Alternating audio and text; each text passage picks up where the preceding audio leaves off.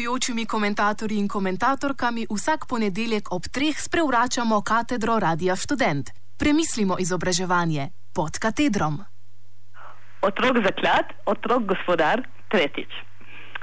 Za našim prispevkom zaključujemo razpravo o vlogi kategorije otroštva znotraj sodobne družbene ideologije. Ideologije, ki stavi na posameznikovo aktivnost, kreativnost, participativnost, na nenehno realizacijo njegovih notranjih potencialov in seveda vseživljenjsko srečnost. Skratka, ideologije, ki jo povzema slovito geslo, bodi tisto, kar si. Izhajali smo iz vprašanja, kakšno vlogo igrajo v takšni ideologiji otroci, oziroma bolje, kakšno vlogo imajo v njej splošno razširjene predstave o otroštvu. In poudarimo, gre za predstave odraslih, ne za predstave otrok samih.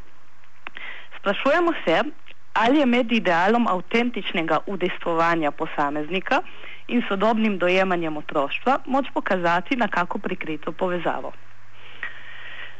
Če povzamemo splošno ugotovitev, lahko rečemo, da otroci v današnji družbi fungirajo kot najbolj privilegirana materija, ne več ne manj kot materija, odkrok katere se zgoščajo vsi ideali našega postmodernega bitja in sožitja. Otroci so, kakor pravimo, naše največje bogatstvo. Kar z drugimi besedami pomeni, da so otroci naše najvrednejše blago, nič več, nič manj kot blago. Otroci so snov fantazije odraslih in to ne, ne le tiste pedofilske. Najbolj normalni odrasli smo v otroku pripravljeni videti marsikaj čudovito prelestnega, predvsem pa utelešenje najbolj avtentične subjektivnosti, tistega srečnega, brezkrbnega, aktivnega, igrivega, nedolžnega in neskaljenega bivanja. Kar pomeni, hote ali ne, v današnji družbi smo vsi pedofili. In ni izključeno, da je prav to, naša prikrita pedofilskost, glavni razlog, da je pedofilija danes tako demonizirana seksualna aberacija. Dejansko, ali si je sploh moč zamisliti kaj bolj sprijenega in ostudnega od pedofilovih apetitov? Od apetitov tistega, ki sanja ali skuša celo poseči po telesu otroka, našega največjega bogatstva. Pa vendar, mar nismo pravkar ugotovili, da so pedofilove sanje v celoti pokrivajo z našimi lastnimi. Kot smo poudarili v preteklih intervencijah, otrok dan današnji ni le zaklad in skladišče naših fantazem, pač pa še več otroka postavljamo na mesto našega gospodarja, kar bi lahko povzeli z naslednjo metaforo. Nekoč so odrasli delali otroke, danes pa otroci delajo in vladajo odraslim. Seveda gre tu za metaforo. Že res, da otroci danes vladajo svojim staršem, to da vladajo jim le zato, ker se starši udinjajo svojemu lastnemu narcizmu. Drugače rečeno, starši, ki otroku ne zmorejo ničesar odreči, ki ga ne marajo kaznovati, ki so pripravljeni ugoditi vsaki njegovi kaprici, to počnejo le zato, ker se otroku nočejo zameriti. Ker se bojijo zavrnitve svojega otroka, svojega ljubega bogatstva. Tu ne gre za ljubezen do dejanskega otroka, temveč za neko povsem osebno investicijo, za samoljubje današnjega starša, vzgojitelja, učitelja. Na tem mestu mimo grede podajamo nekaj opornih točk povezanih s pojmovanjem otroštva, točki lahko služijo kot dobro izhodišče pri razmišljanju o spremembah sodobne družbene ideologije. Vsak izmed teh točk bi sicer veljalo posvetiti samostojno razpravo.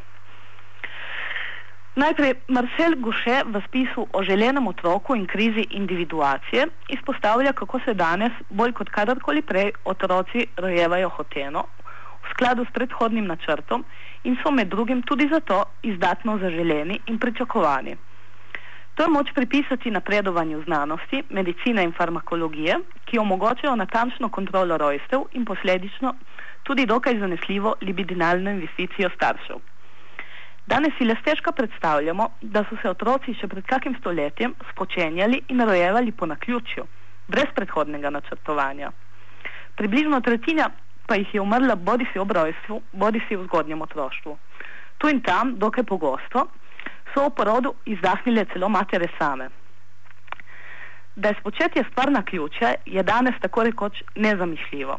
Otroci se v imaginariju staršev pojavijo dolgo pred rojstvom, dogodek rojstva je natančno splaniran in ko napoči trenutek, tedaj, tedaj gre za nekaj strašno pomembnega, za najpomembnejši dogodek starševega življenja. Kar lahko neposredno navežemo na spremembo, ki smo jo v zadnjih 20 letih lahko zaznali ob ritualu rojevanja. Ritual, ki je še pred kratkim veljal za nekaj najbolj naravnega, celo brutalno naravnega, napornega in osebnega, je danes pospremljen s trobentami in romantičnim spektaklom. Poroda se zdaj udeležuje mater in ljubezenski partner, porod se občasno snema s kamero, v vsakem primeru pa se ob njem proizvede tona fotografij, ki se jih na to retušira in postavi v lično in romantično ozadje. Skratka, vse je finalizirano k temu, da se ta močni in za žensko prav nič prijetni dogodek priliči fantazmi najlepšega dne starševega življenja. Naslednja sprememba zadeva novi status in funkcijo družine.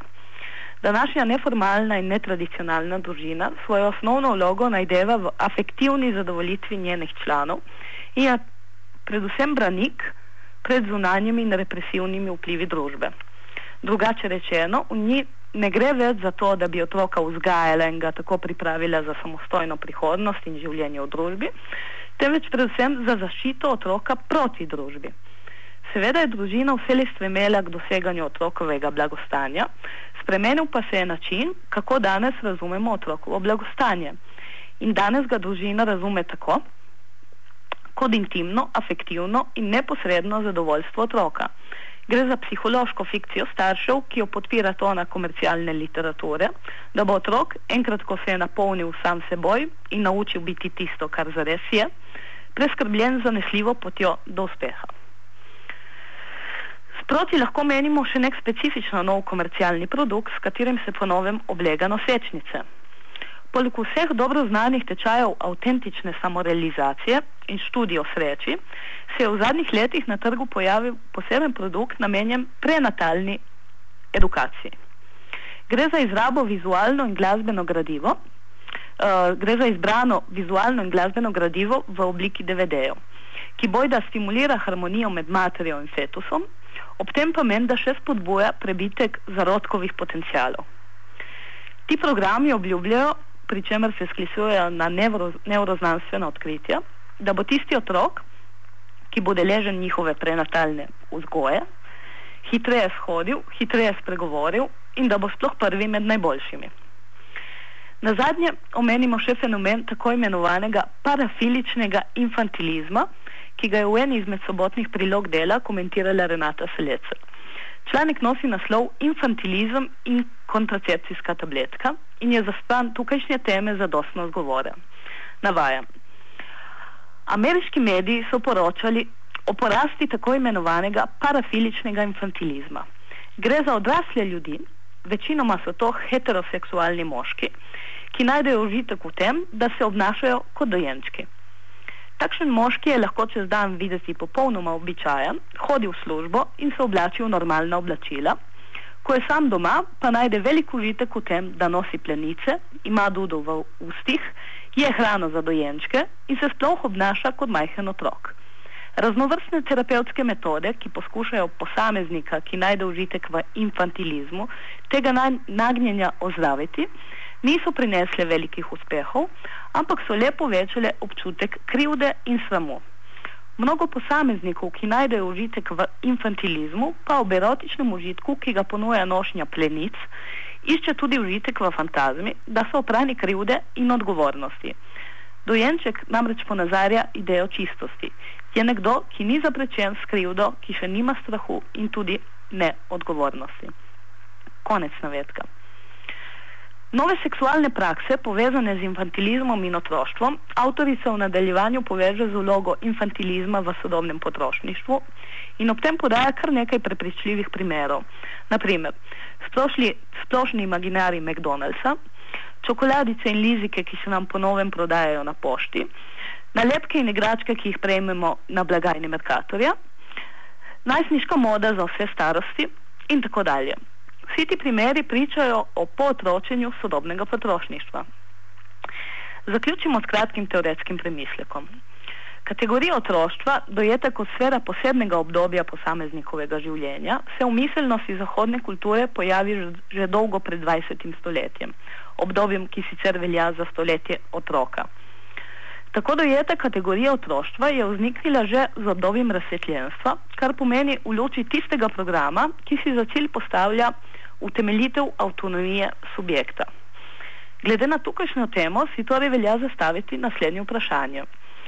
Kakšno je razmerje med idejo razsvetljenstva in kategorijo otroštva in po čem se to razmerje razlikuje od današnjega? Če povzamemo, razsvetljensko dojeta avtonomija stavi na razumnost vsakega individuma. Razum je tista točka, na kateri je treba utemeljiti individualno svobodo in samostojnost. No, usporedna težnja, ki pod črto vse skozi spremlja omenjeno prizadevanje, pa tiči v tihem antagonizmu do vsega, kar je subjektu zunanjega vsega tistega, torej, če mor z lakanovskim imenom pravimo veliki drugi. Veliki drugi to je lahko marsikaj, naprimer jezik, predsotki, navade, rituali, praznoverje, religija, družbene norme, skratka vse, kar pripada redu simbolne skupnosti, v katero je posameznik upet. In vprašanje, okrog katerega se suče paradigma razsvetljenstva, je vprašanje, kaj je ta subjekt na sebi. Kaj je subjekt, če odmislimo in odštejemo vse, kar je vanj unešeno od zunaj? Če odštejemo vse, kar subjekt preprosto sprejme, brez premisleka in predhodne refleksije. Skratka, osnovni problem razsvetljenstva tiči v zagati, kako se otvesti semen zunanjega drugega in kako subjektovo avtonomijo utemeljiti na lasnih temeljih kako posameznika očistiti njegove kontaminiranosti s predsotki, praznoverjem in iracionalnimi navadami in na ta način dospeti do točke čisto subjektivne svobode. Razsvetljenski odgovor pa tiči kje? Seveda v razumu. Ampak tu se pojavi nov problem in sicer naslednji. Razumni se ne rodimo, temveč to postanemo pri določeni starosti. In tedaj je lahko naš lastni razum že tako pervertiran in okužen z drugostjo, da tistega avtentično in genuino našega ni več mogoče razločiti od drugega. Rodimo se res da svobodni, a še preden bi utegnili uporabljati svojo svobodo in biti to, kar smo, smo že vklenjeni v verige drugega. Od to denimo razsvetljenska obsesija s tem, da bi subjekte osamili ob rojstvu in jih umestili v neki izolirani prostor, kjer bi jim bilo omogočeno, da najdejo svoj čisti razum, izhajajoč zgolj iz sebe, ne drugega. Seveda so vsi to vrstni poskusi vnaprej obsojeni na jalov stek in sicer preprosto zato, ker posameznik žal žal ni bil nič preden je stopil v razmerje do drugega. Če sklenemo, kakšna je razlika med skicirano fantazmo razsvetljenstva in ideologijo sodobnosti? Na misel mi pridejo tri specifične distinkcije in s tem končujem naš današnji komentar. Prva distinkcija tiči v naslednjem. Razseljenska fantazija osvobajanja otroka od vseh vplivov zunanjosti in družbenih norm je bila omejena na teoretske, literarne in filozofske ideje. Dejansko vzgoja posameznika je za časa razsvetljenstva potekala na dokaj tradicionalen način. Naša postmoderna sodobnost je po tej plati razsvetljensko fantazmo spravila v vseživljenjsko prakso in jo iz domišljijskih eksperimentov preobrnila v empirično in dejavno stvarnost.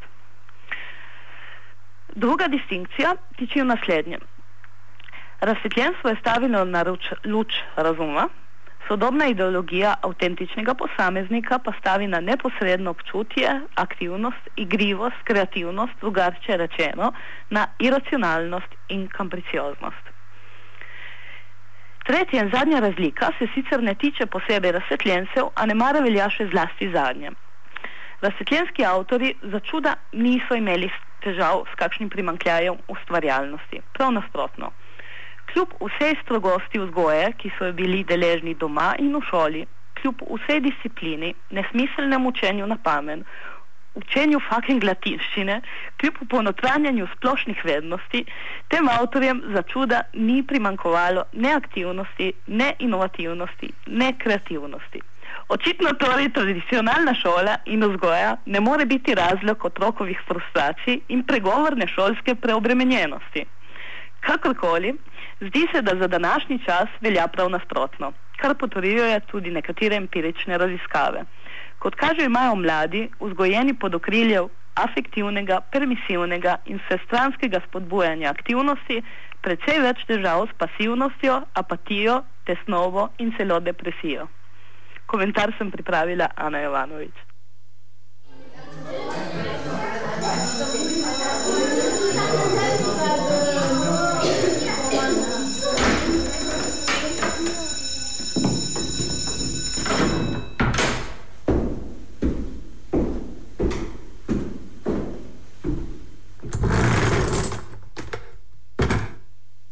Gostujočimi komentatorji in komentatorkami vsak ponedeljek ob treh sprevračamo katedro Radia Student. Premislimo izobraževanje pod katedrom.